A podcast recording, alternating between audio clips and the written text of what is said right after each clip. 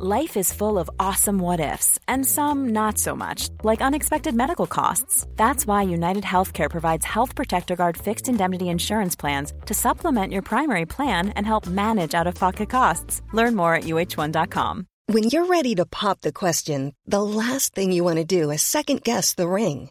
At Bluenile.com, you can design a one of a kind ring with the ease and convenience of shopping online. Choose your diamond and setting. When you find the one, you'll get it delivered right to your door. Go to Bluenile.com and use promo code LISTEN to get $50 off your purchase of $500 or more. That's code LISTEN at Bluenile.com for $50 off your purchase.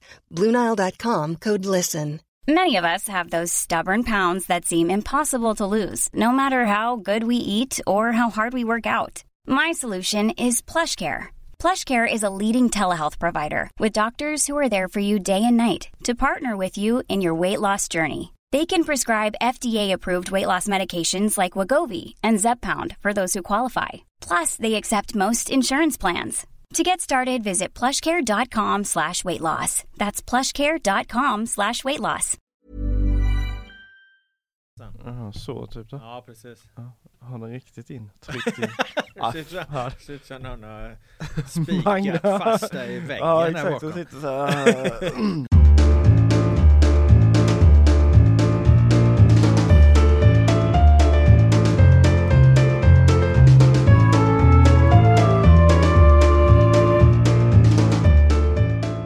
Hej välkomna till GPs fotbollspodd som fortfarande saknar ett namn, men där vi fokuserar på Göteborgsfotbollen i allmänhet och Göteborgsfotbollen i synnerhet. Vi som gör det är jag, Robert Laul och Filip Troler och ja, allsvenskan är igång igen efter landslagsuppehållet med besked. Vi ska fokusera på guldstriden där BK Häcken toppar tabellen ihop med Djurgårdens IF, lagen som dessutom möts på söndag på Tele2 Arena. Men inte bara det i det här avsnittet. BK Häcken FF har åkt ur Champions League-kvalet men vunnit en viktig match mot Linköping. Blåvitt har spelat en händelserik match mot Elfsborg och sen hände det grejer runt Utsikten och framförallt Gais och ännu mer framförallt runt ÖIS, Filip. Det ska vi ta lite senare. Jajamensan, det finns hur mycket som helst att avhandla. Vi var ju lite oroliga här på förhand. Hur fan ska vi få med allt? Men eh, vi ska väl lösa det på något sätt. Ja, nu när vi sitter där vet vi inte hur långt det här pro- programmet eh, blir, men blir det under en timme blir jag förvånad, ska jag säga. Det blir jag också, mycket. Eh, har våra lyssnare säkert ingenting emot. Men vi ska börja med varsin, eh, eller i alla fall jag har en spaning. Har du någon? Nej, jag har fasen ingen i... eh, Nej, vi, vi har så mycket så jag tänker att jag, jag skippar det. Bra, då tar jag en kort. Eh, den handlar om konstgräset som ju har varit en eh, en eh, eh, debatt här i veckan som GP har skrivit en hel del om. Eh, förra veckan var det VAR, nu är det plasten då. Och jag tycker faktiskt att den här diskussionen är intressant. För nu har vi fyra tunga tränarnamn, inklusive förbundskapten Jan Andersson, som pekar på konstgräset som ett av svensk fotbolls stora problem. De övriga som har klivit fram i veckan är ju Åge Hareide, Malmö FFs tränare, Per-Mattias Högmo, BK Häcken och IFK Göteborgs Mikael Stare. Och det är rätt tunga namn som menar att landslagets defensiva problem och problemet att få fram bra mittbackar är konstgräset. Jan Andersson tog upp det här i en intervju redan i, i våras. Den har gått lite under radarn, men nu när resultaten har blivit sämre så har Hareide, Högmo, Stare fyllt på. Eh, min slutsats på denna spaning, denna korta spaning, mitt medskick till svensk fotboll är gör något åt det då. De äger ju frågan. Ja, ja, absolut. De äger frågan och eh, jag tror väl att du och jag sitter i samma båt här också med våra åsikter och sådär. Eh, jag har eh, i, i många år eh, velat få, få, ja men egentligen till ett förbud av konstgräs i svensk fotboll som underlag i matchsammanhang i elitfotboll. Eh, breddfotbollen tror jag väl ändå att det är väldigt bra att det finns, eh, för det ger oss möjligheter på vinterhalvåret som inte funnits. Eh, Sen kanske man hade fått mer karaktär på spelare om man var, kidsen var tvungna att springa på grusplaner och tackla varandra fortfarande men det känns lite väl old school. eh, Men eh, nej för min del, det är väl möjligtvis något Norrlandslag som skulle kunna få dispens men annars tycker jag bara det är trams liksom. Bort med det. Ja, där är vi faktiskt väldigt överens. Eh, Holland har ju ett system där de eh, subventionerar lagen då, som väljer att spela på, på gräs egentligen. Det, det, det är ju ett sätt. För jag menar, mm. det går ju att få bra, bra gräsplaner även i Norrland. Det är ju bara att titta på, på, på vissa lag i, i, i Nordnorge. Ja, Trondheim så, där, ja, Rosenborg och Ja, sådär. alltså så lägger man en jävla kärlek på det och mycket pengar och så, så det är klart som fan att det går att ha, ha bra gräsplaner ä, ä, även här. Men då går det ju liksom inte att ha de här jävla arenorna där det är fullt med liksom eh, andra aktiviteter.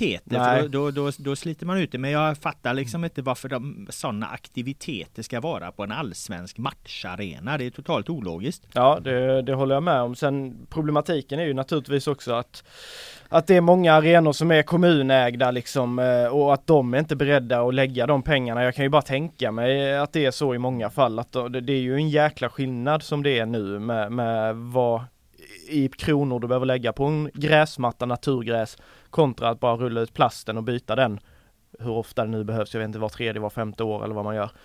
Eh, så det är ju problematiskt men eh, det där med att subventionera på något sätt det, eh, det, hade, det, det tror jag lite på den modellen faktiskt. Mm, den är inte alls dum. Det, blev ju, det finns ju ett konkret exempel här med, med försvarsspelare då som ju är problemet att få fram bra mittbackar. Johan Bångsbo, den kanske största liksom försvarstalangen av alla. Han är ju fostrad på, på konstgräs och man ser ju hans absolut bästa kvaliteter är ju hans förmåga att ta fram bollen, hans, hans uppspel, hans lugn med bollen vid fötterna. Men sen när det kommer till att försvara, gå in i duellerna, vara stenhård, vara liksom en Mellberg, en Petter Hansson, en Jocke Björklund, en Patrik Andersson, liksom bort med bolluslingen, klipp motståndaren. Där är han ju inte riktigt lika stark ännu. Han kanske kan bli, men, men han spelade också på konstgräs, berättade när jag pratade med honom efter Elfsborgsmatchen.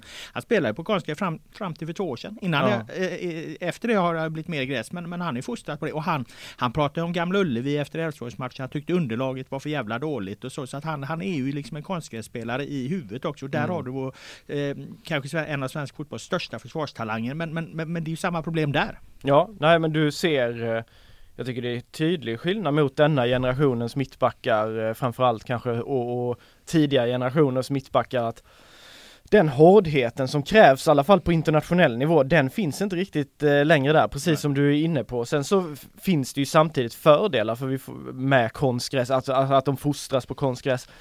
För man får ju väldigt många skickliga bollspelare men det, har, känns som att det har tippat över lite för mycket åt det hållet och det kan jag väl tycka generellt i fotbollen att det blir för mycket alltid snack om att defensiva spelare ska vara så jäkla bra på det offensiva. Det defensiva är inte centralt längre och det tycker jag är lite skevt. Ja, det är det absolut. Bra att vi är överens i den intressanta eh, debatten. Den lär fortsätta. Vi ska lämna den här. Vi ska gå över till eh, guldstriden och då fokuserar vi givetvis på BK Häcken. De har fyra raka kryss nu efter 1-1 mot Varberg, men är, men är ändå på samma poäng som eh, Djurgården som ju totalhavererade borta mot eh, Degerfors, förlorade med 3-0. Nu möts lagen på Tele2 Arena på eh, eh, söndag. Jag vet inte riktigt var man ska börja eh, här egentligen, men alltså Häckens 1-1 match, den var verkligen inte mycket att eh, skriva hem om. Eh, samtidigt är det ju någonstans bra att inte förlora när man har fem spelare borta. De hade ju fyra avstängda, en skadad då i som långtidsskadad. Och de har alltså ännu inte förlorat på bortaplan Häcken, eh, vilket kanske har gått lite under radarn. Ja, vi har väl snuddat vid det här några gånger och eh, det är, alltså det är en bedrift som jag inte tror folk riktigt fattar hur jävla bra gjort det är faktiskt. För det är, det finns väldigt många tuffa bortamatcher i, i den här serien och det är nästan alltid att du åker på någon sån riktig käftsmäll. Att de kan, att de kan hålla uppe den eh, liksom, för vissa matcher har det inte alltid varit vackert, typ Sirius borta, typ nu Varberg. Um, men ändå, de ser till att de inte förlorar och i många fall har de ju dessutom vunnit, lyckats vinna de här matcherna. Så det är ju, det är en otrolig styrka och jag tror verkligen eh, de kommer ta fasta på det nu när man ska åka upp och kanske spela den allra svåraste bortamatchen vi har eh, under säsongen för deras del. Ja, för att Djurgården har ju å andra sidan inte förlorat på Tele2 på hemmaplan så det blir, det blir verkligen, så det blir ett nytt kryss då. Ja, ja, kryss. Vi ska gå in på den matchen, vi ska bara stänga den här Varbergs eh, eh tillställningen helt med en, med en egen eh, Svennis-skala. Men du får väl såga mig här nu, den är lite modifierad. Eh, jag har, eh, jag har, vi brukar ju ha Svennis-skala eh, enligt eh, kategorierna bra, mycket bra och mycket, mycket bra. Tre spelare. Här blir det ingen spelare som får mycket, mycket bra, men däremot har jag med fyra spelare, för det gick inte att göra på något annat sätt. Nu så, fattar jag ingenting här. Så, så Ibrahim Sadik och Erik Friberg, de var bra i den här matchen. Och målvakten Peter Abrahamsson och innermittfältaren Simon Gustafsson var mycket bra. Men ingen var mycket, mycket bra, så du fick fyra spelare istället. Kom vi undan med det Filip? Eh, nej, det tycker jag inte. Alltså jag, jag, eh, jag vill... Inga regler nej, utan undantag! Nej, för sig sant. Och jag ska väl vara ärlig och säga att jag tror någon under de här sommarveckorna där du var borta så slängde jag nog in två öjsar också på någon sån här bra skala. Men två på varje, vad är detta? Ja, nu blev det så. Ah. Eh, och eh, nej men det var helt enkelt ingen som stack ut. Jag kan för mitt liv inte se vem som ska få mycket, mycket bra. Det är alltså Simon Gustafsson slår en jättefin frispark Eh, som leder till det här Sadik-målet och, och Sadik gör det, men jag menar han petar in bollen på, på mållinjen och Simon, det var inte mycket, mycket som hände offensivt utöver eh, från, från hans fötter där i, i, en match mot ett Varberg där, så det kan man kräva mer.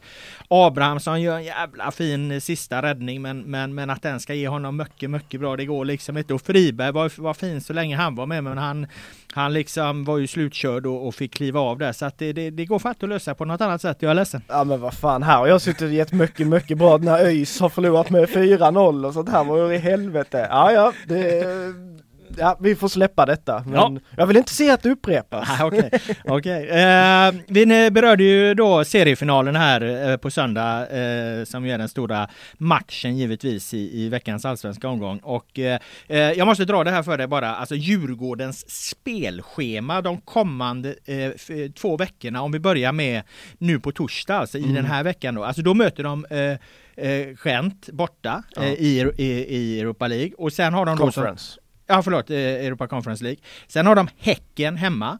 Sen har de Gent hemma, eh, alltså eh, i Conference League där eh, på torsdagen igen. Och sen har de AIK, derby på söndag. Och sen på torsdag igen så har de Malmö FF borta. Så att alltså på 14 dagar spelar de fem jävla matcher mot, mot två gånger eh, belgiskt eh, eh gäng då som ju håller en hög nivå. Häcken, AIK, Malmö FF. Alltså samtidigt samma period så spelar Häcken tre matcher. Djurgården då, Sundsvall borta och AIK borta. Eh, tänk bara om, om Häcken då alltså vinner mot Djurgården eh, på Tele2 och, och sen, sen har Djurgården det här jävla schemat medan Häcken har sitt. Alltså, Alltså i praktiken skulle ju, alltså den här perioden så kommer, alltså Häcken skulle kunna avgöra allsvenskan. Absolut, det är, ja, men när man lyssnar på, på det du rabblar upp där på Djurgården, det är ju Eh, ja men i, för ett svenskt lag liksom, eh, visst man hade kunnat vara i Champions League-uppspel sådär, men för ett svenskt lag generellt liksom, det där går ju knappt att få ett svårare schema under en sån period. Malmö borta, derby mot Gnaget, Häcken, liksom, det, är, det, det, det är ju nästan alltså. det svåraste du kan skramla fram ah. för, för Djurgården i ett allsvenskt, i en allsvensk kontext och sen så lägg in två möten med Gent som inte är ett dåligt lag alltså. Eh, så absolut, därmed så på, på många sätt så blir ju faktiskt den matchen på Tele2, den blir ju nästan då viktigare för Djurgården än vad den blir för Häcken. Skulle precis komma till det för att jag menar Häcken kan ju faktiskt åka dit och, och känna att, att ja, alltså det är inte hela världen om vi förlorar Nej. det här för att det är så här det ser ut liksom. Vi har chans att rädda upp det här för att, för att Djurgården kommer inte gå rent de här matcherna på, på, på, långa vägar. Eh, och det måste ändå vara rätt skönt liksom. Häcken har fått tillbaka sina fyra avstängda spelare, Jeremejeff och Rygaard utvilade. Eh, och, och de vet det att det är inte hela världen om vi förlorar. Eh, får vi ett kryss i det kanon och, och, och, och vinner vi så, så är det en jävla drömläge liksom. Ja, ja. Det, alltså, ser man ur det perspektivet så, så så, och, och, och, som vi var inne på tidigare, du har det i ryggen att de har inte förlorat borta. Nej precis och Dessutom då så har de ju fortsatt, får de ju se de som jagar där bakom, fepplar ju bara till det liksom. Malmö lyckas inte slå Hammarby, Hammarby lyckas inte slå Malmö. AIK tar inte sin chans när de får den. Det, det, har ju varit, det har ju blivit lite här nu guldstriden där ingen riktigt har tagit chansen. Sen tycker jag väl ändå Häcken på något sätt de här fyra kryssen, man kan ju säga, mm, ja de borde ju ha vunnit någon kanske så, men de, de, de, de har ändå sett ganska stabila ut, Djurgården också fram till nu 3-0 eh, i röven mot Degerfors. Alltså, ja, det var deras plattmatch i år ska jag säga. Ja. Så fan, jag såg den matchen var riktigt svag. Det var ju det var liksom inte ens orättvist 3-0 utan det var nej. ju ganska rimligt resultat gentemot hur det såg ut. Ja, nej, och då, och det, men för Häcken är det nog också ett rätt skönt besked att se att den här Djurgårdsmaskinen som också har känts lite orubblig, just att de har klarat parerade med Europaspel och sådär, shit, alltså ingen rår riktigt på dem.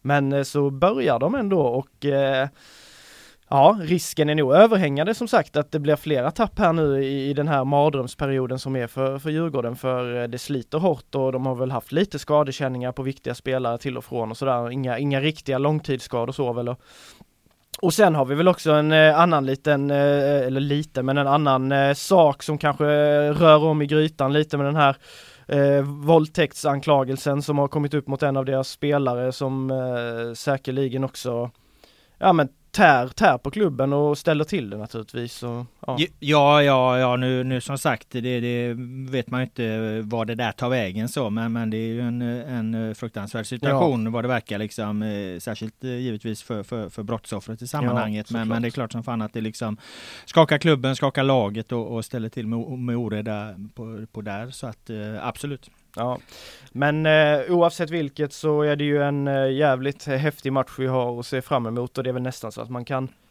Det är väl nästan så att man kan säga att det är Häckens eh, största match i klubbens historia.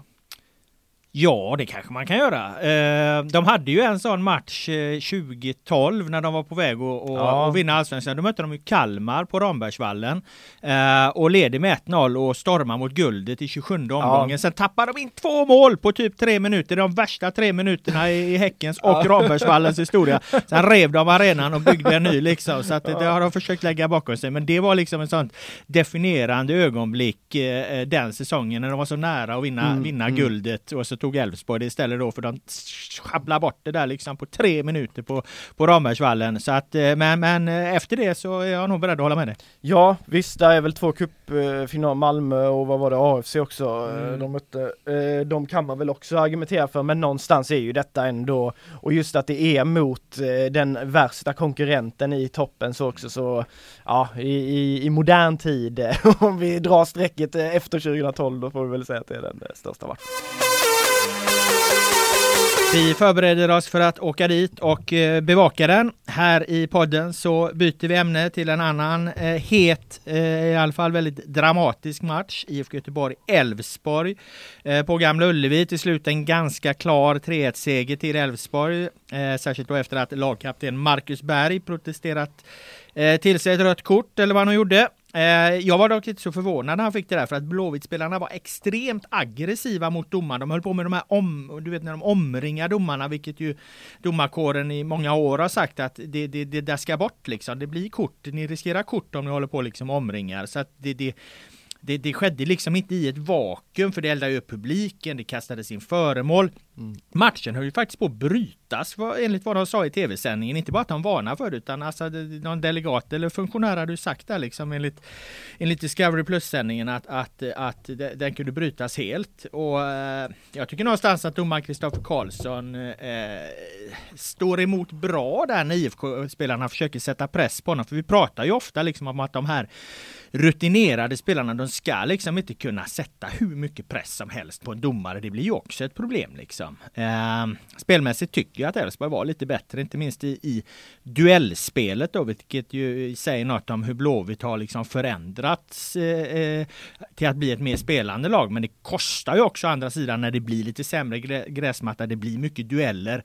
Eh, då kanske man som, då kanske Stare borde ha spelat, eh, spelat Sebastian Eriksson eh, centralt från start istället för Hussein Kanei som inte är någon eh, duellspelare. Så att, sen det största problemet med IFK Göteborg i den här matchen, det tycker jag faktiskt är att de börjar jättebra, de gör 1-0, sen backar de hem och lämnar över initiativet helt. Och gör du det mot ett så skickligt lag som Elfsborg, det är klart att det straffar sig. Ja, det är väl ingen, ingen förvåning så. Sen är ju Elfsborg ofta kända för att liksom vara starka när de tilläts kontra och komma med fart snarare än att ha det uppbyggda anfallsspelet. Men det kändes som att det Blåvitt gav bort initiativet och gav bort ytorna. Det var inte så att de stod med handbollsförsvar och lät Elfsborg rulla runt utan det var ändå att oj, det svängde ändå fram och tillbaka för de var slarviga när de väl själva kom fram Blåvitt. Så Nej men det var väl en ganska bra analys av, av hur det såg ut och Sen när det gäller ehm, liksom eh, det här med ehm, spelarnas känslor och så, så alltså jag gillar ändå det i, i grund och botten att det var så jäkla och jag tycker det är på ett sätt tycker jag det är jävligt härligt att se Gustav Svensson, Oskar Wendt, eh, Sebastian Ek, de här gamla uvarna, att de brinner så mycket fortfarande och där vid Bergs utvidgning, alltså det kokar ju verkligen.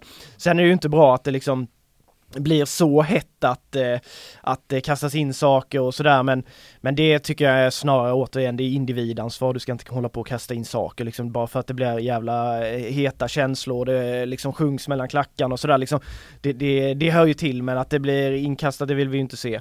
Ehm, men eh, nej, jag tycker också Blåvitt ger bort det här lite, jag eh, kändes mycket mer ihåliga i försvar, de har ju tappat det nu här på slutet. Eh, I, tidigare kombinerade de ju det fint både med, både med det bra spelet och ändå var ganska solida bakåt, svåra att göra mål på ett tag var de väl det laget i Allsvenskan som hade släppt in minst mål. Nu har det ju läckt som ett såll här på slutet och jag tycker absolut att Hussein Kanel eh, Alltså han ska nästan inte vara i startelvan tycker jag med tanke på, jag tycker inte han har varit bra på sistone. Nu såg jag inte hela Djurgårdsmatchen så jag kanske, kanske är snett på det där men eh, unga spelare går upp och ner, upp och ner och, och kanske hade varit läge och som du säger spela Sebastian Eriksson för han kommer in och gör ett jävligt bra inhopp igen.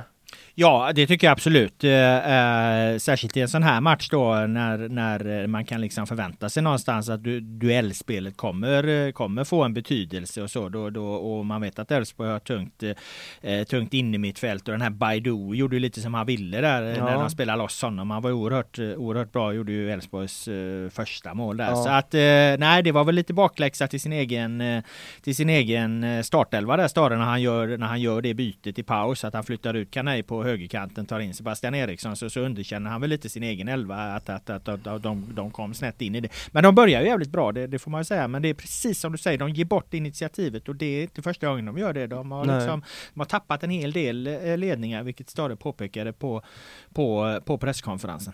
Ja och sen också så här Hossam Aiesh som jag tyckte han gjorde så jävla bra inhopp mot Helsingborg. Man tänkte fan spela honom från start så får han chansen från start men han tar ju inte den liksom. Han går och grinar på Simon Strand där liksom och sen vad, vad bidrar han med mer liksom? Det händer inte så mycket och så nej de Ja, de, de, de faller på eget grepp så tycker jag faktiskt, för de hade möjligheten att eh, trycka ner Elfsborg där efter 1-0 och de kändes lite sköra där Elfsborg faktiskt men ja, sen får man ju lyfta dem också, det var de fyra raka nu och har lyckats ta sig ur krisen och mm. Alexander Bernhardsson, den gamle öjsan, han hade också mycket skoj där på kanten, han har hela form på den gubben också så Ja jävla fint tillslag han har alltså, ja, i fart tillslag. ofta ja. också alltså, nu... Lång och gänglig, ser ja. inte riktigt ut som en Nej. fotbollsspelare kanske men eh, fantastisk, eh, fantastisk spelare. Ja, han, han eh, gillar man verkligen. Sen så för Blåvitts del spelar väl liksom tabellmässigt spelar det inte så stor roll, alltså de, de, de, de kan säga vad de vill men Europa det är ju för många lag emellan där även om poängen inte är så många. Men, men, men de har ju ändå möjligheten att, att avsluta säsongen snyggt. De har sina fyra största rivaler här. De har Elfsborg hemma, de har AIK hemma, de har Malmö hemma, de har Häcken hemma. Uh, och, och ja, det följer ju ganska platt direkt då i alla fall i, i den här Elfsborgsmatchen. Nu har de ju tre chanser till på sig. Jag tror det viktigaste för dem nu det är att se till så att inte Häcken uh, lyfter pokalen på Gamla Ullevi. Ja, Sanna på kryckor. Precis, och den, den lär de, där, där lär vi nog få se 100% oavsett hur, hur läget är och det kommer vi få se mot MFF vill de ju naturligtvis inte heller ska ta hem något guld och de är väl, även om de är typ, så är de inte helt, de är inte helt borta än Malmö, det tror jag faktiskt inte eh, med tanke på att det har varit så mycket poängtapp på de lagen framför. Men eh, nej, Blåvitt, mm, Samtidigt har de vunnit mot Elfsborg då hade det varit fyra poäng. Då tycker jag fortfarande att man kan tala om att man har en riktig chans på, på Europaplatserna. Även ja, då är den död nu då i alla fall. Ja, nu, nu kan vi säga att den, nu är den död. Vi har en Svennis-skala där i alla fall. Jag ger Gustav Svensson eh, bra, även om han inte liksom ägde mitten så mycket. Men det lägger jag faktiskt inte på hans konto, utan jag lägger det på att eh, det var ingen match för Kanei och Simon Tern var otroligt svag. En av de sämsta insatserna jag har sett eh, Tern göra. Drällde med bollen där inför inför Elfsborgs eh, 2-1 mål utanför eget straffområde två gånger. Eh, men Gustav Svensson får ändå bra. Det är ett jättefint eh, avslut, eh, nickavslut. Han skallar ju in 1-0. Jag tycker att Emil Salomonsson var mycket bra. Eh, stängde ju sin kant klart bättre än vad Skavent gjorde och sen är det ju, slår han ett par riktigt fina inläggsfrisparkar, bland annat det som ledde till målet. Och sen som du nämnde och jag också, Sebastian Eriksson eh, som ju gör ett, ett, ett mycket, mycket bra inhopp från paus där måste jag säga. Eh, och dessutom så det, han spelar ju bara en halv halvlek innan Berg då blir utvisad och IFK Göteborg får det emot sig också. Mm. Och, och, och, under den eh, halvleken så tycker jag att det är en tydlig skillnad på IFK Göteborg. Så att eh, mycket, mycket bra till Sebastian Eriksson som väl borde kanske spela till sig ett nytt, eh, en kontraktsförlängning eh, vid det här laget. Ja, det tycker jag definitivt. Det är inte första gången nu han gör ett bra inhopp. Jag nämnde ju honom då i samband med Helsingborgsmatchen också där jag tyckte han kom in bra. Eh, och jag tycker inte bara det är duellspelet utan han, det var ju den här gamla Seb också liksom med fina passningar, det var några jätteläckra genomskär, han fyllde på in i boxen och nej, han, han kom ut och så verkligen sugen ut. Och det känns som att nu när hans kropp har fått hämta sig lite efter den här hälseneskadan så, så finns det fan med mer att kräma ur honom. Eh. Sen är han ju framme hos eh, fansen och eh, där eh, vid planen vid Elfsborgs mål och tar undan saker också ja, och får ja. liksom en dämpande effekt på det. Det tycker jag ändå är ett ansvar han tar som spelare där, även om vissa inte klarar av att hålla tillbaka sina spontana reaktioner och, och det gäller särskilt honom ibland. Så, så, att när han får tänka lite så förstår han ju, okej okay, det här är inget bra läge, här får man visa någonting. Ja, att, att det här nej, måste han, dämpas lite och det är bra av spelare. Han är väldigt, jag tycker han är ofta har varit väldigt duktig på det. Alltså han kan ju vara den värsta av alla i stundens hetta liksom och, och veva runt och, och tackla och är helt galen. Men ofta i de där situationerna, jag vet andra gånger också när det har tänts någon bengal i samband med att Blåvitt haft momentum och sådär. Han liksom varit framme och efter Sana då när han var där med Malmö och kasta kasta spjut eh, och sådär då, då, då var, nej men då var Sebastian Eriksson också den som liksom kliver fram och försöker och fansen har ju en jävla respekt för honom också liksom så jag tycker verkligen att han eh, sköter den rollen och, och, den uppgiften på, på bästa sätt får man faktiskt säga. Ja, och sen tycker jag både han och Marcus Berg var ganska resonerande efteråt i, i hur de förhöll sig till det här röda kortet. Berg pratar ju om att, att eh, eh, han hade bett laget om ursäkt, men han höll inte med domaren och så det var liksom inga överord på något sätt i kritiken. Det var ett bra resonemang där eh, hur de förmedlade det här. Och Sebastian Eriksson var ju liksom lite jargongigt så här, jo, jo domaren är värdelös, det vet vi, det är han i varje match ungefär, men vi kan inte skylla på det liksom. Vi måste lägga fokus på det vi ska ha fokus på och så. Och det, det, det tyckte jag också var bra. Där liksom den eh, med, nu är inte han med i Blåvitt men han som gjorde bort sig eh, var Lasse Vibe som skickade ut en, en alldeles för grov tweet tycker jag. jag behöver inte återge exakt vad han skrev där men, men det finns absolut ingen anledning att liksom och, och elda på det så mycket när du när du när du alltså beter sig som något jävla internettroll liksom. Så att där, där tycker jag att, att Vibe gick bort sig när han skickade ut det där. Det behöver man inte göra. Jag har inte läst tweeten själv men eh, jag har bara eh, hört om den att eh, det var något mot Kristoffer Karlsson men att han vanligtvis uppskattade domarna. Ja det var ju vad han skrev då. Han vanligtvis gjorde han det och sen så liksom så, så tog han ju heder och ära och med ett rent karaktärsmod liksom så, så okay. han var helt onödigt. Ja, sen eh, jag vet inte Kristoffer Karlsson, jag tycker väl att han gör en svajig insats liksom, men återigen det handlar ju om att eh, behärska sig och, och det får jag väl ändå säga att jag tycker som dig där att Blåvitt-läget gör det, även om Sebastian Erikssons citat när det kommer i en rubrik liksom, domaren är värdelös, det är inget mm. nytt. liksom, det, det, men, det var lite mer jargong ja, ja, sådär liksom. Och, det att, kan att vi, jag tycka, alltså, absolut. Det, ja, det var liksom inte, det var inte vårdslöst eller nej, respektlöst nej, utan det var, det var, det var, det, det tror jag inte Karlsson heller hade något emot. Eh, så ska man dra en röd linje någonstans liksom eh, där så, så bra hanterat av Berg Eriksson, dåligt hanterat av Vibe. Mm. Men eh, varför får man inte veta vad Berg sa? Varför kan inte Kristoffer Karlsson berätta? Alltså ja men varför kan inte Marcus Berg berätta ja, ja, alltså, alltså, jag tycker... Eh, alltså han eh, medgav ju att han sa någonting men ja. vill inte säga vad. Så att där tycker jag faktiskt ansvaret eh, snarare, alltså det, det, det alltså Kristoffer Karlsson behöver inte säga det. Det är väl korrekt så här det som händer på plan stannar på plan. Jo, jag är ganska jo, korrekt. Ja, men, jo, men, när Marcus Berg får frågan tre gånger vad sa du, vad sa du, vad sa Har du inte sagt något allvarligt, säg vad du sa då. Ja, jo det kan, kan, kanske hålla med och så. Men jag tycker, ja, det finns väl i och för sig eh, två sidor av det där liksom att eh, ja, allt, allt som sägs på plan ska stanna på plan. Lite då som Kristoffer Karlsson är inne på där, men ibland så tycker jag kanske att man kan, eh, liksom för, också för att eh, på något sätt eh, skapa förståelse och tysta diskussioner och sådär. Och spekulationer så kan det vara, vara bra. Så. Men ansvaret måste ju först vila på Berg. Ja, vi svara på vad fan du sa. Ja, liksom. jo det håller jag väl med om. Mm. Men jag tycker att Kristoffer Karlsson kunde berättat också. Vi eh, stannar med den oenigheten kring det och eh, går vidare till veckans överkörningar i Göteborgsfotbollen. För det har ju faktiskt varit ett par sådana också. Och där ska vi börja då med Geis som stod för en ruggig utskåpning mot Vänersborg. Och nu knaprar in målskillnad på Falkenberg också till råga på allt. Jajamensan, de eh, åkte upp till svårspelad Vänersborg med, med brittiske tränaren där, han, han heter Miller någonting, eh, står och gormar. Och... Inte Alex Miller, den gamle galne AIK-tränaren, han ja, var det, skott. Ja det är kanske men, han men... jag blandar ihop det med nu. Där är en brittisk tränare, skallig, hård. Nej, Miller var, hade nog några hårstrån Ja, jo det, det, är inte han nej. Men eh, det är en hård för sak i alla fall eh, och, och de, eh, de är intensiva och de är tuffa men de saknade några viktiga spelare Vänersborg. Men egentligen det är väl en hyfsat jämn match fram till till, eh, till 2-0 och så gör Vänersborg 2-1 och sen så, så gör Axel Henriksson 3-1 och, och sen så efter det så dansar ju Gais vidare. De gör tre mål på, efter 90 lyckas de göra tre mål. Det är alltså tre mål på tre minuter där tror jag.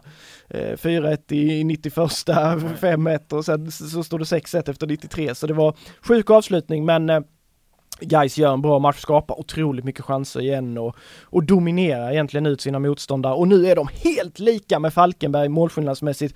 Falkenberg som var på vippen att, eh, att eh, sjabbla bort eh, seger hemma mot, mot Kviding. De avgjorde inte förrän i 90 minuten. Eh, det, det hade varit eh, åtta poängs marginal till Guys annars. Eh, nu är det bara sex men målskillnaden helt lika och det är stor form på båda två.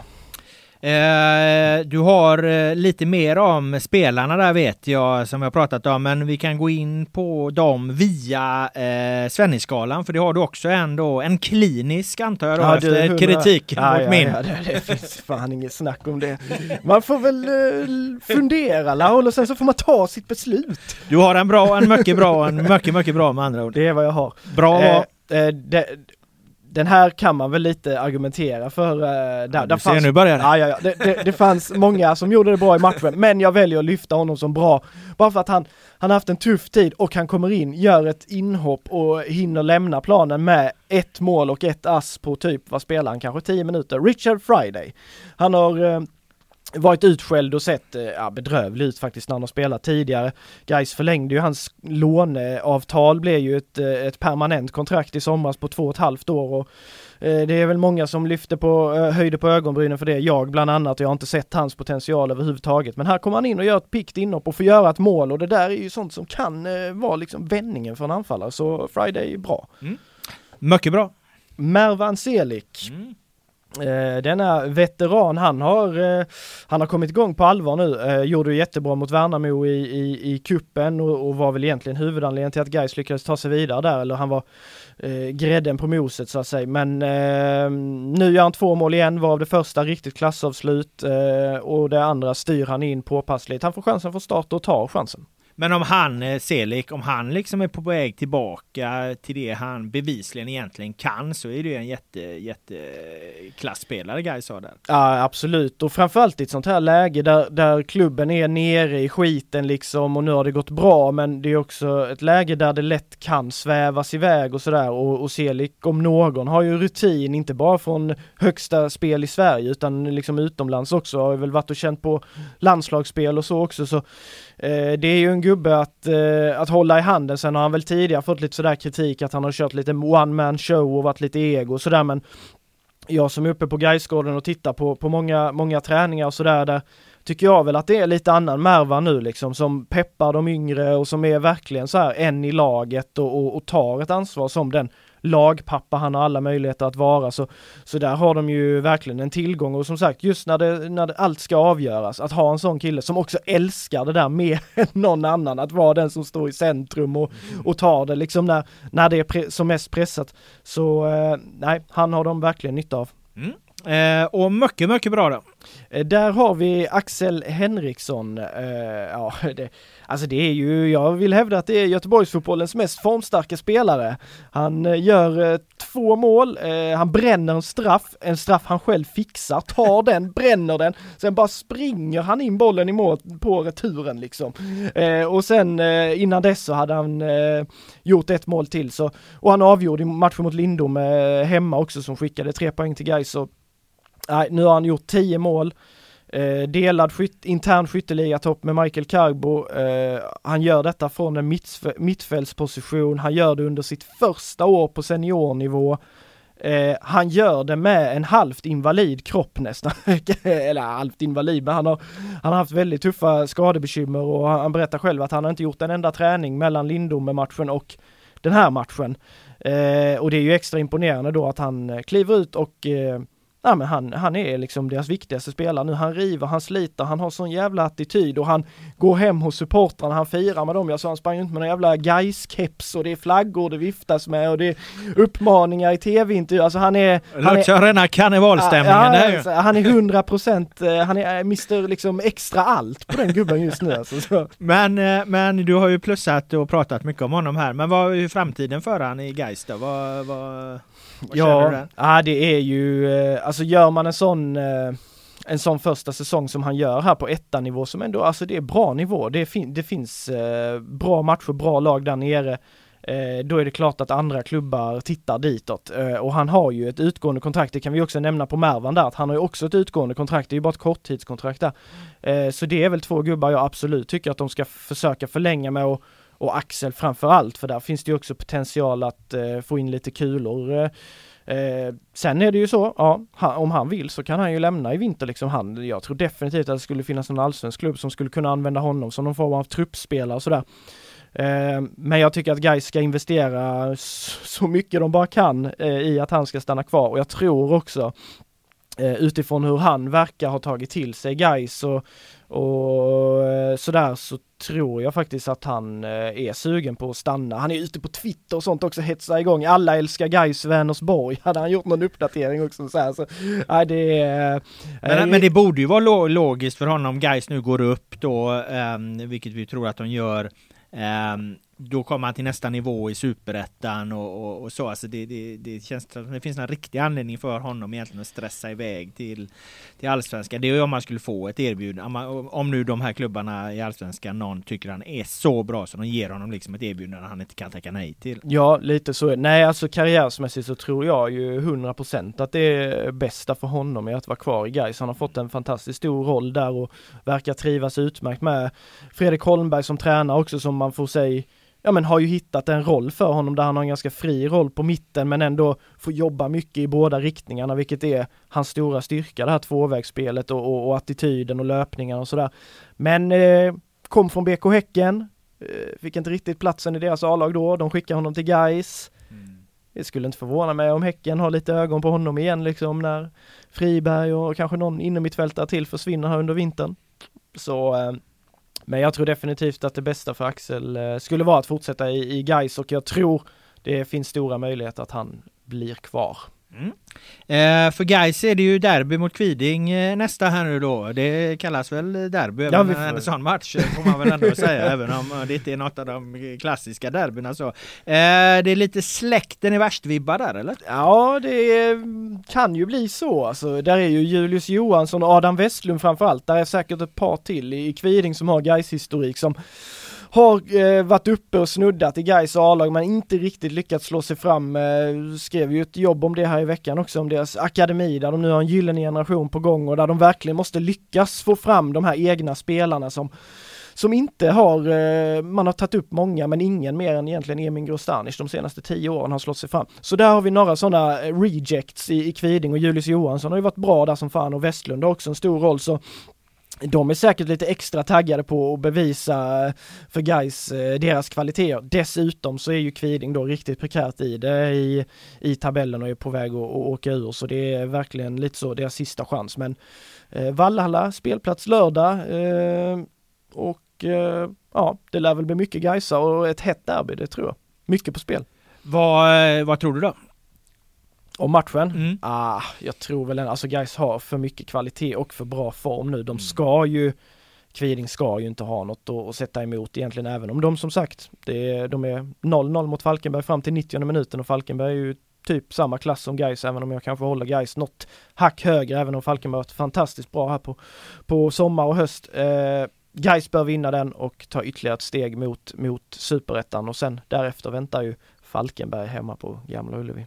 Ja, det vi pratar om heta matcher i, Allsvenskan. Det där är väl den hetaste matchen i division 1 i år då får man ju säga. Ja. Eh, är, du, är du fortfarande inne på, på spåret att, att Gais fixar eh, det här avancemanget till slut? Eh, ja, det är jag. Så, så länge de städar av Kviding så, så har de ju lite faktiskt råd att förlora mot Falkenberg för de har sen bland annat då IFK Malmö kvar på hemmaplan i sista omgången. Liksom det, det, det, de är avhängda i botten redan Malmö, de kommer inte ha någonting att, att sätta emot. Och sen har de Åtvidaberg, ett lag som i och för sig kämpar för sitt liv i botten, men det är också ett lag de ska, ska spöa. Liksom. Så jag tror, vinner de faktiskt bara Kviding-matchen så har de råd att, att förlora mot Falkenberg, eh, troligtvis. Men äh, jag tror fortfarande att Gais går upp, men den matchen Gais falkenberg det, det, det är ju som vi har varit inne på tidigare, det är ju en jävla smällkaramell. Kanske den hetaste i division 1 på åratal, för sen när hade du två så pass ändå etablerade och stora elitklubbar nere i ettan som möts i en princip helt avgörande match om vem av dem som ska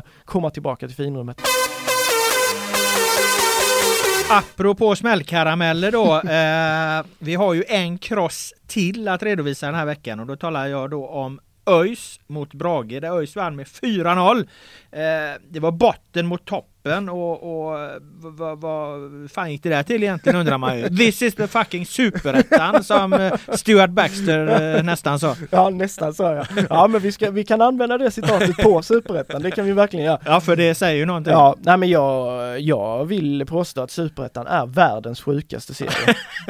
ja det är bra. Det är en bra rubrik. ja, det, nej men det, det går liksom inte, du kan inte så här sätta dig och tippa superettan under säsongen, det blir inte många rätt du har då, alltså på, på enskilda matcher eller vilka som ska gå upp eller någonting. Det är, det är he, hela havet stormar egentligen. Det borde man ju prata med någon oddssättare om egentligen. Ja, alltså, är, det, är det alltså- liksom så jävla ett så helvete att sätta de där oddsen ja, liksom när det smäller åt alla håll liksom? Helt ologiskt. Ja det, det är bra jobb. Alltså det är bara fan titta här för några omgångar sedan. Norrby som hade varit helt på dekis möter då liksom serieledaren HBK på hemmaplan. Så, I och för sig hemmaplan men 3-0 till Norrby där från ingenstans liksom.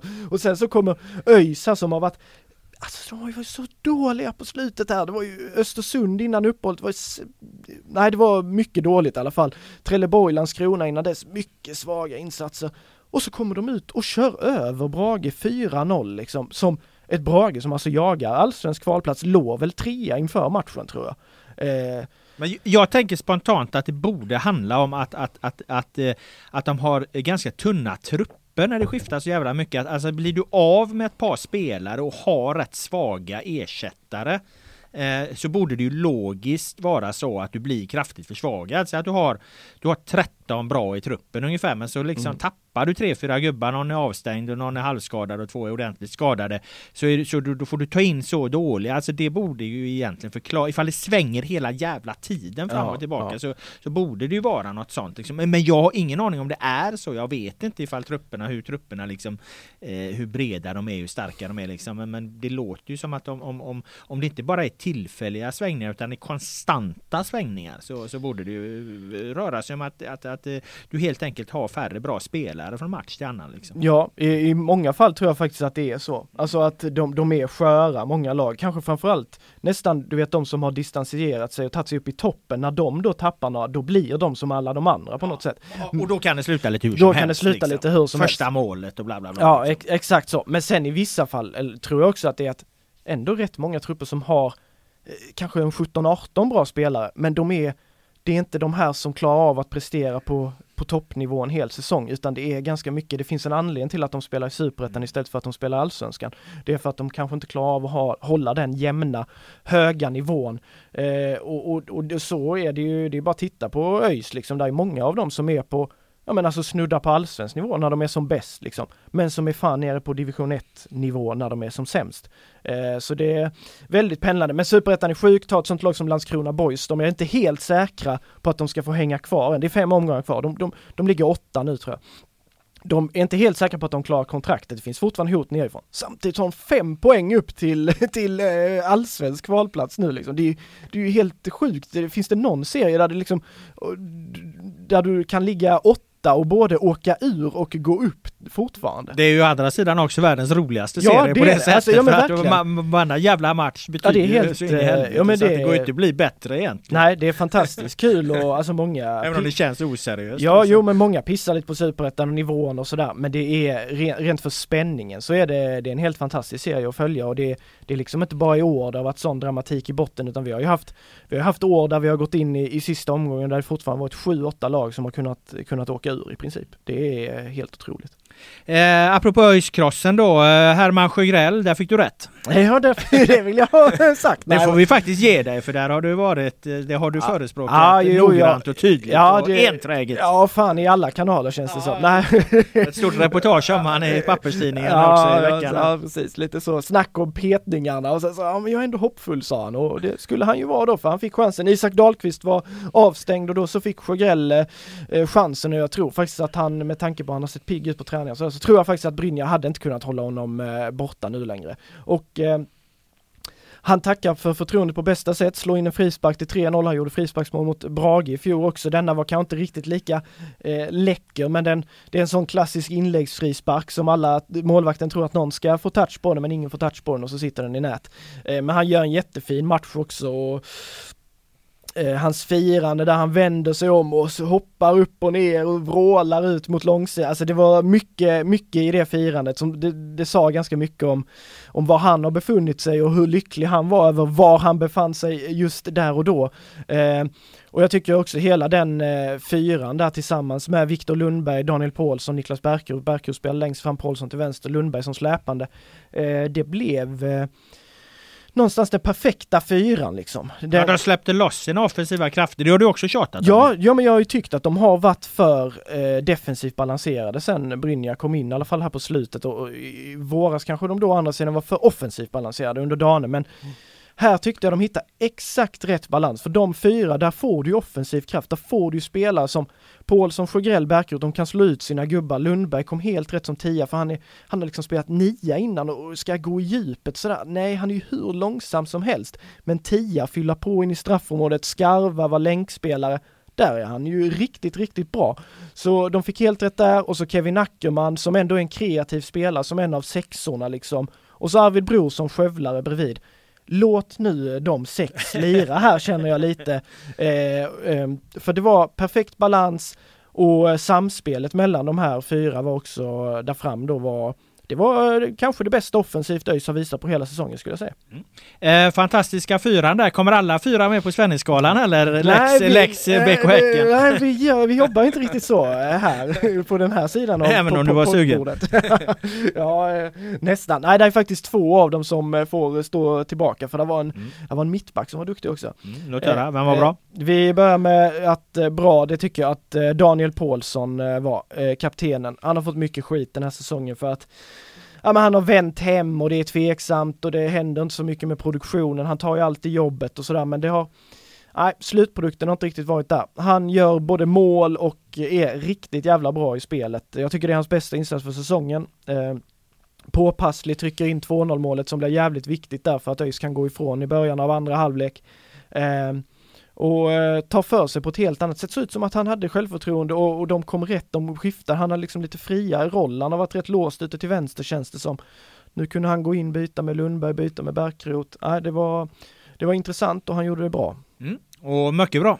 Mycket bra, det tycker jag. Marcus Haglind Sangré, eh, han eh, i sina bästa, om vi talar spelare som är på allsvensk nivå, i sina bästa stunder så är Marcus Haglind Sangré en sån. Eh, han är, ja han är grymt bra i den här matchen och målet ÖIS gör fram till 1-0, det är ett av de tjusigaste jag sett i, i Superettan och Marcus Haglind Sangré är den centrala punkten i det.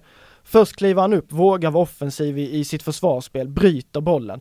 Sen tar han den, bara stormar fram, väggar med Lundberg, får tillbaka den perfekt i farten, spelar Bärkroth, tar sen raka löpningen in i straffområdet. Bärkroth hittar honom perfekt. Ensam med målvakten ser han ut som Jeremejeff snarare än någon eh, gammal uh, tufsig mittback som inte kan skjuta och bara rullar in den iskallt och sen ner mot hörnflaggan och glider och firar där.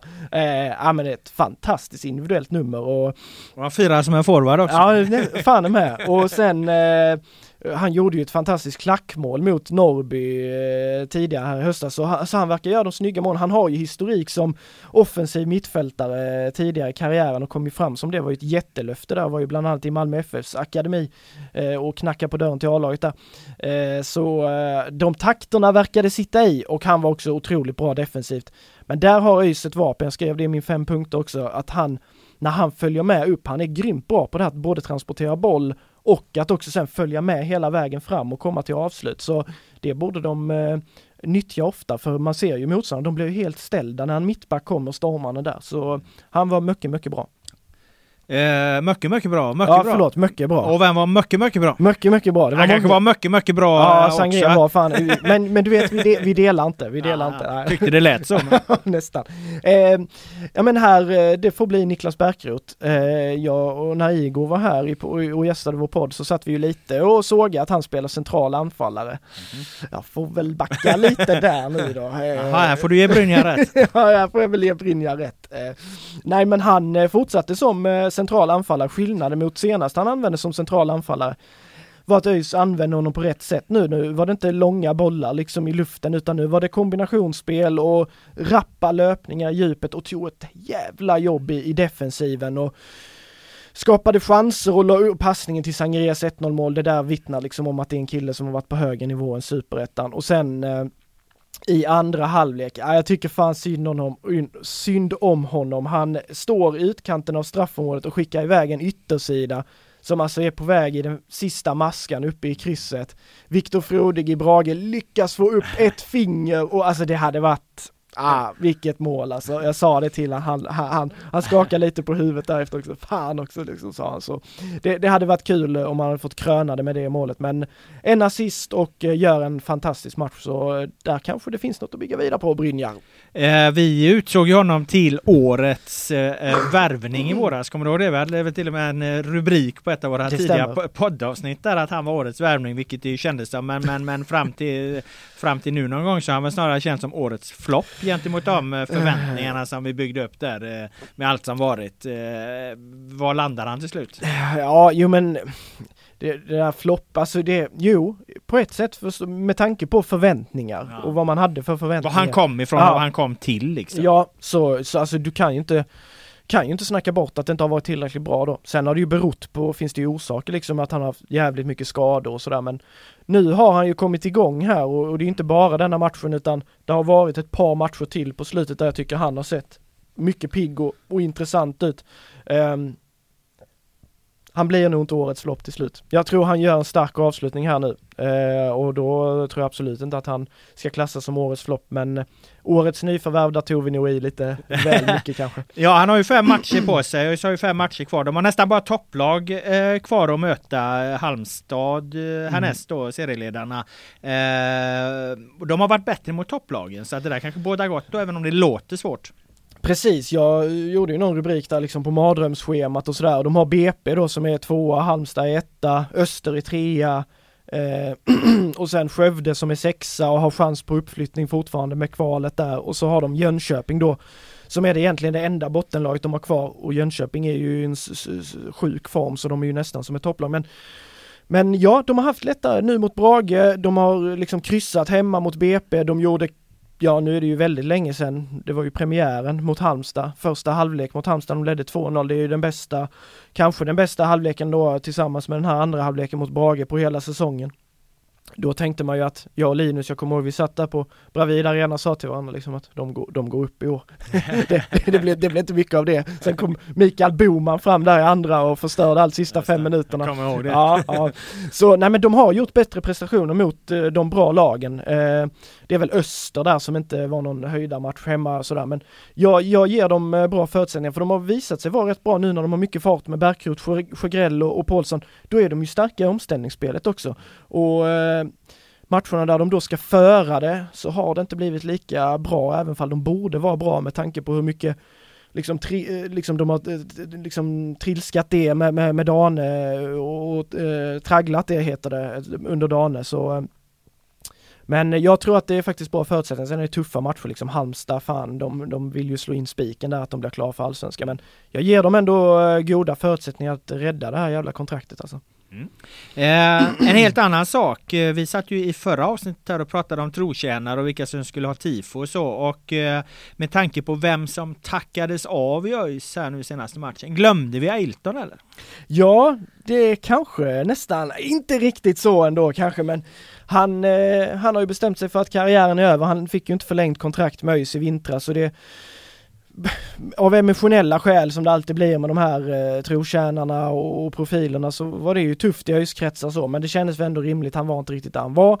Och sen har han väl varit och testat på lite lägre nivå så han ville ju fortsätta spela men nu verkar han ha kommit till vägs ände, eller han har kommit till vägs ände och meddelade det och sen så blir han hyllad av ÖIS-fansen med lite brassetifo med brasilianska flaggor. Och, ja, han fick sitt tifo i alla fall. Ja, han fick det och eh, en lång intervju där på innerplan med speaker Pontus Forslund. Eh, och jag håller, alltså Ailton med tanke på hur jävla bra han var i ÖIS när han var där första vändan då innan han åkte iväg ut i Europa och, och spelade Champions League och allt han har gjort så för mig är han ju kanske inte Sören Börjesson och, och, och Agne och, och de här och, och en sån som Hannes Salin som i princip var trogen föreningen hela karriären. Det är kanske inte riktigt den nivån men han är fan där strax bakom och Afonso Alves och Paulinho Guerra som de sa där på, på innerplan att de gick ju faktiskt vidare till andra allsvenska klubbar och, och spelade för dem och, och mötte ÖIS eh, efter succén i, i rödblått. Ailton gjorde aldrig det. Han, han var ÖIS trogen i svensk fotboll och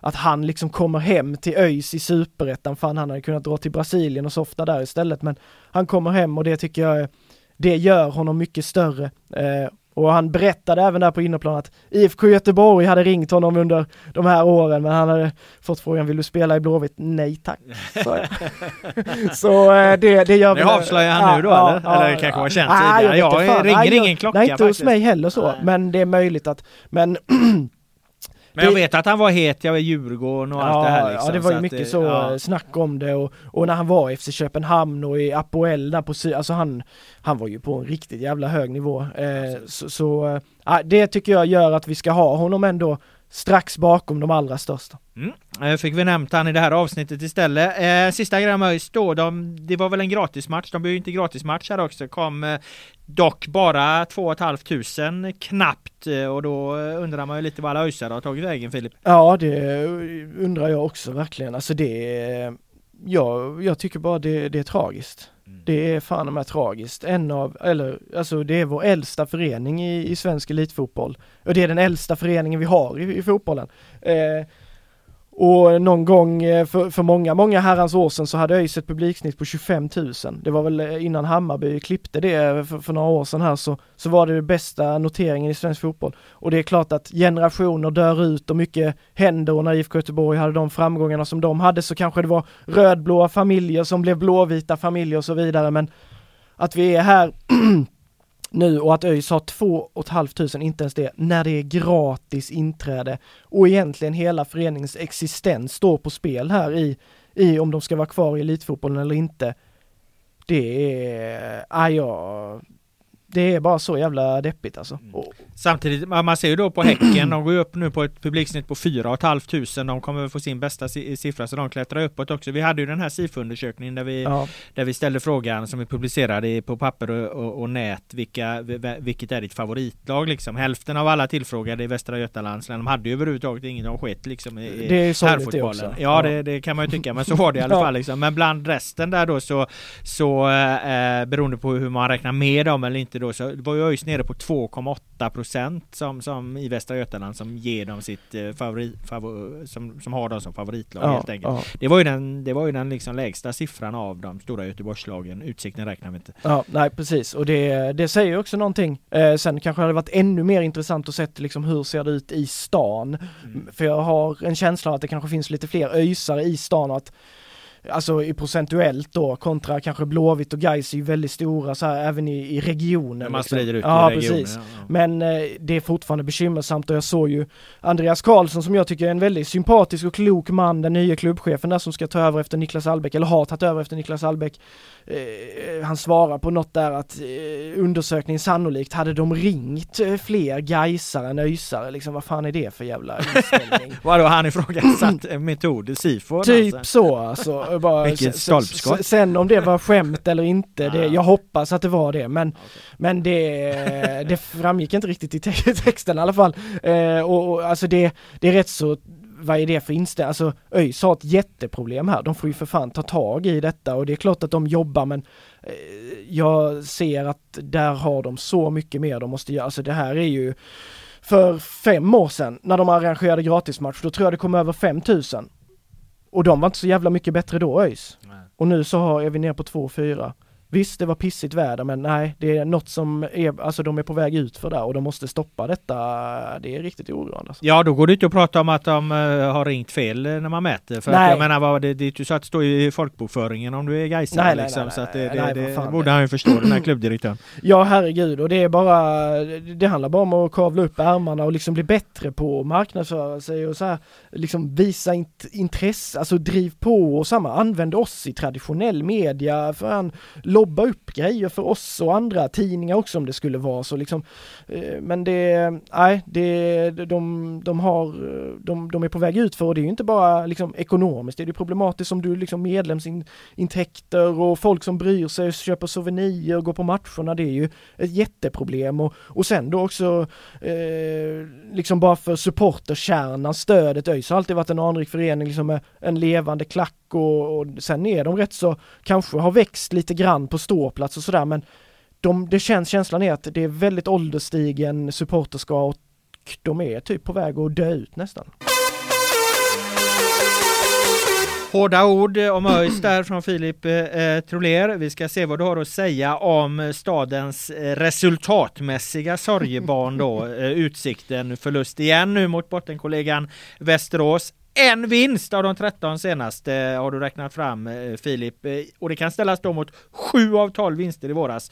Eh, och det var ju faktiskt eh, det vi pratade om lite tidigare. Hur i helvete kan det skilja så jävla mycket? Men Utsikten blir ju någonstans liksom exemplet på det. Och nu är de ja. ju inne i, i, en extremt tung period. Ja, och det visar också att jag tror i alla fall det visar så att skillnaden mellan hur bra du är när du har självförtroende och hur dålig du är när du inte har självförtroende, den är så pass, alltså självförtroendefrågan är så pass att har du lite taskigt självförtroende och en jobbig spiral, då fastnar du där i superettan. Du kommer inte loss liksom, för det är så jämnt mot alla lag. Du kan inte vinna mot något lag för att du har lite mer kvalitet. Och Utsikten särskilt då som kanske faktiskt är ett av de lagen med på pappret i alla fall, mindre kvalitet. De levde nog mycket på sin entusiasm och sitt självförtroende, sitt överraskningsmoment i våras. Verkligheten har kommit ikapp dem. Ett uselt sommarfönster på det och sen så är det igång liksom. Men det är ju ändå anmärkningsvärt hur i helvete det kan skilja så pass alltså. Mm. Och så lägger du målvaktsbytet som vi varit inne på där har jag hört från flera håll nu liksom att med Brattberg och, och den som har kommit in nu som jag tappar bort namnet på här. Men, ja, Florian Palmowski. Ja just det, att det är ett jävla eh, skillnad där alltså. Ja, och jag gjorde ju en så här både på ÖIS och Utsikten lite samlat samlat jobb inför slutspurten här liksom. Hur fan ska ni lösa krisen? Och både Bosko och Erik Westermark var ju där och touchade liksom eh, lagkapten Erik Westermark och att, eh, ja men det är klart att Brattberg, för dem var Brattberg liksom, han var superettans bästa målvakt under våren. Försvinner han och det sen kommer in en kille som i, inte alls är, va, alltså i närheten. Nu, nu ska jag inte gå i den här Palmowski-sågningen, för den här matchen var inte hans fel, det kan jag inte säga. Men det är inte heller så att Georgievski som har fått chansen för Bosko har börjat vela där med tanke på att Palmowski inte har varit bra. Så har det ju skiftat fram och tillbaka. Och det är ju inte någon jävla dröm för ett försvar heller, att du byter målvakt fram och tillbaka. Men ingen av dem har ju varit bra och sen så ett par skador och förändringar i det försvaret som tidigare då var väldigt tryggt och solitt har gjort att det har rörts till totalt. Och så då självförtroendefrågan och sådär, så då, nej, det går bara utför. Det, det, det låter som, att det var inte så överraskande att topplocket gick på Bosko. Eller? Nej, nej. Eller vad, vad fan var det? Det var ett jävla liv. Ja, ja, han var ju helt nedslagen i den efter Dalkurd där de förlorade mot tabelljumbo med 4-1 efter en katastrofal första halvlek. Då var, tänkte jag, nu har han fått lite andas lite här under landslagsuppehållet, men vi var snart där i samma läge igen och den här gången efter matchen eh, jag tycker han brukar ändå, även om det alltid är mycket känslor på Bosko och det gillar jag jävligt mycket, alltså han är ju otroligt underhållande, bara att han är som han är liksom. Men Oh, det var något extra på honom idag. Det, han var, han var, eller då, han, han var ju liksom lackade på mig liksom när jag sa, fan höll ni verkligen känslorna i, i, kontroll där på slutet av matchen? Ni ger ju bort matchen. Vad fan är du, eh, fattar du inte att vi blir lacka när domarna är så här? Och vi, det var ju inte ett enda jävla domslut som var rätt i hela matchen tog han i liksom. Och jag sa, Lukas Hedlund, han var ju rätt så pigg tyckte jag. Han var, eh, skapade ju chanser och sa, ja men du har väl för fan inte råd att missa 400 målchanser, då blir du utbytt. Alltså han sågade alltid sin väg. Han sa han, han hade gärna spelat själv för han skulle visa spelarna han gjorde mål och så, så här. Så vi, ja. hade, vi hade ju en rubrik även på honom, apropå gamla poddrubriker, att han gled runt liksom på Göteborgs eh, gator som en kung, Bosko i våras där. Det, det, nu, nu, nu, liksom, nu kryper han längs husfasaden snarare. ja, nej men det det var med all rätta, han fick ihop det här, alltså laget som, alltså vi ska säga det, Utsiktens lag på pappret är de kanske plats 16 till 12, 10, 12, 10 någonstans. Men att man inte får ut mer under så här lång tid, det är ju naturligtvis eh, problematiskt och Bosko har ju lite, om vi minns Gais-perioden, väldigt, väldigt bra i början på säsongerna. Kuppspelet 2018 där de dansade runt och vann över Hammarby och Elfsborg och så fan man tänkte nu är det allsvenska nästa. Och så en lite bra start på superettan och sen så gick det ut för och när de då kom i de här jobbiga situationerna så är han kanske inte riktigt den som liksom han, han lever sig med lite för mycket kanske. Eh, Även om han inte håller med, det, med om det själv. Nej, nej, nej men precis. Alltså han, han, han är, jag håller honom som en otroligt skicklig fotbollstränare och, och det är många spelare man pratar med som så här, som verkligen hyllar Bosko för, alltså hur bra han är taktiskt och så här, och också för hans passion. Men just i de här jobbiga lägena, ibland hade han nog behövt ha någon som uh, drar ner honom, sätter honom på bänken. Lugn nu här boss. Alltså han är helt galen under matcherna också liksom. Skäller ut spelare, så här Palmovski för att han inte lyfte en långboll där i slutet. Alltså han fick ju tre åtytningar åtutningar och Quintero Olsson, han blev också helt överkörd. Alltså det var, eh, men det, ja, man hade kunnat betala entrépeng bara för att gå in och få se Boskos känsloliv. Det är helt fantastiskt. Ja, han är en rullande show. Ja, eh, du har en Svennisskala i alla fall på den här matchen? Eh, ja, men det har jag. Eh, och då väljer jag en eh, inhoppare först, för man ska säga eh, Utsikten vinner avsluten 17-7 och de är alltså de är värda mer än noll poäng i den här matchen tycker jag. Sen är de inte tillräckligt skarpa men ja, där är några spelare som ändå gör det bra eh, och jag tycker att Erik Gunnarsson är en sån som gör det bra. När de får se, han blir inbytt Erik Gunnarsson, gamle Blåvitt-talangen. Eh, och han kommer in och får liksom använda sig i en liten ytterbacksroll, wingbackroll, han är egentligen mittback men är väldigt bra där, fyller med upp, liksom följer på i anfallen, vinner många dueller, gör att de ändå skapar lite grann.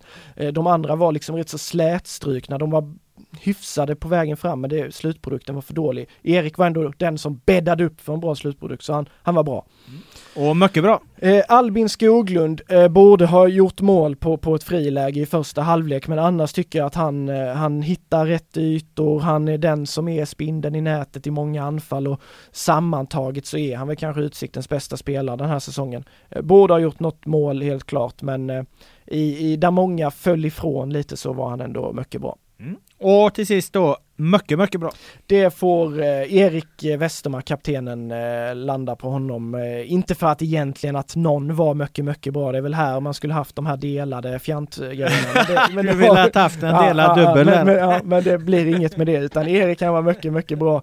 Eh, framförallt för att han var Eh, lyckades ändå punkta bort Viktor Granat och radera ut honom. Sen gör ju Västerås två mål ändå och vinner matchen, så vad, vad, spelar det för roll egentligen? Men han var följsam i försvarsarbetet då och en av få som liksom lyckades driva upp lite grejer offensivt och sådär också tackar vi för den eh, redovisningen och eh, tar oss vidare till BK Häcken FF. Även här händer det ju mycket grejer.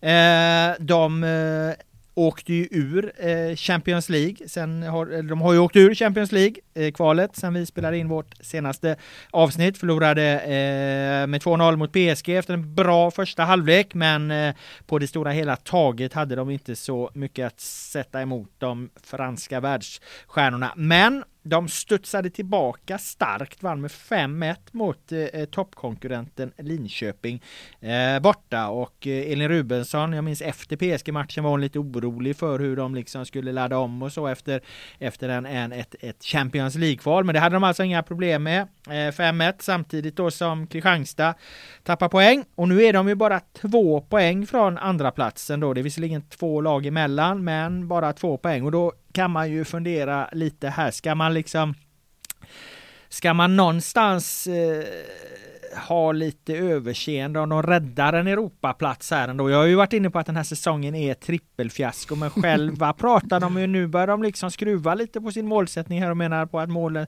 den övergripande målsättningen är alltid att ta en Europaplats, var ju Marcus Jodin inne på här. Jag är ju inte riktigt lika säker på den saken, för de var väldigt kaxiga i, i i vintras som att det var tre mål som gällde. Det var allsvenskan, det var kuppen och det var Europa. Men, men eh, nu låter det mer som att har vi en Europaplats kan vi ändå vara ganska nöjda och det gör man ju på en andra plats.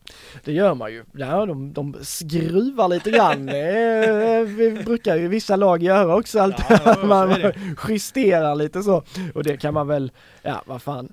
Alltså han har ju rätt i, i, i på, på, ett sätt har han ju rätt. Det viktiga är ju att få kontinuitet i det här Europaspelet. Att man liksom inte tappar ifrån, där faller ifrån, utan att man kan hålla sig eh, där hela tiden och någonstans når du topp två då, har, alltså, då tillhör du ändå det yttersta skiktet av serien varje år. Så så sett är det, är det absolut rimligt att, att säga så. Samtidigt, de spände musklerna liksom och som du säger, de var rätt kaxiga på förhand och det svider ju naturligtvis otroligt att de inte kan nå hela vägen fram någonstans. Någonstans ja. ja. Och de har ju också liksom gjort en ekonomisk satsning som jag utan att jag har siffrorna för Rosengård och, eh, och Häcken. Men jag är ganska övertygad på att Häcken har satsat mycket, mycket, mycket, mycket, mycket, mycket, mycket mer pengar på det här laget under den här säsongen än vad Rosengård har gjort. Och då har de ju liksom inte, då har de ju inte samma, vad brukar man säga, verkningsgrad liksom per, per satsad krona som, som Rosengård. Och det i sig är ju ett misslyckande. Ja, det är ett misslyckande. Sen, där vågar jag inte alls. Nej, jag vet ju inte heller men det, det är alltså jag,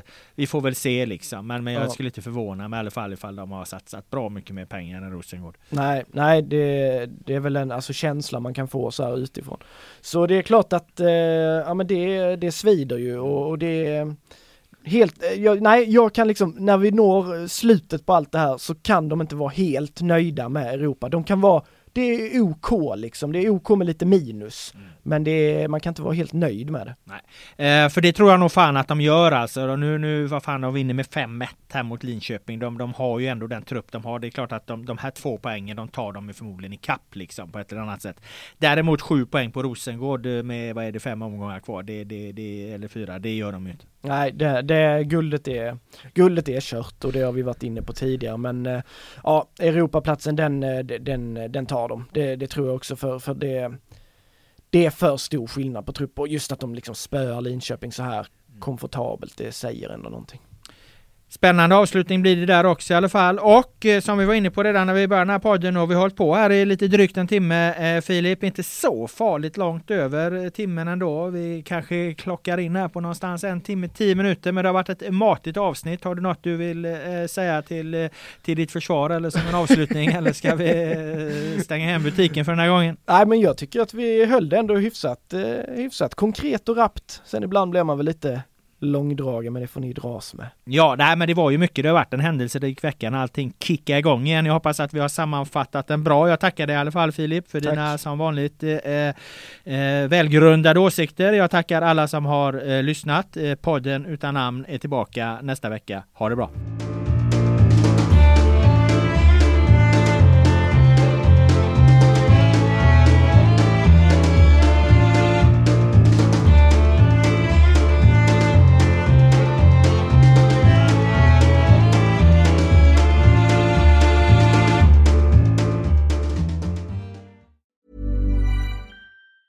Hey, it's Danny Pellegrino from Everything Iconic. Ready to upgrade your style game without blowing your budget? Check out Quince. They've got all the good stuff shirts and polos, activewear, and fine leather goods, all at 50 to 80% less than other high end brands. And the best part? They're all about safe, ethical, and responsible manufacturing. Get that luxury vibe without the luxury price tag. Hit up quince.com slash upgrade for free shipping and 365 day returns on your next order. That's quince.com slash upgrade.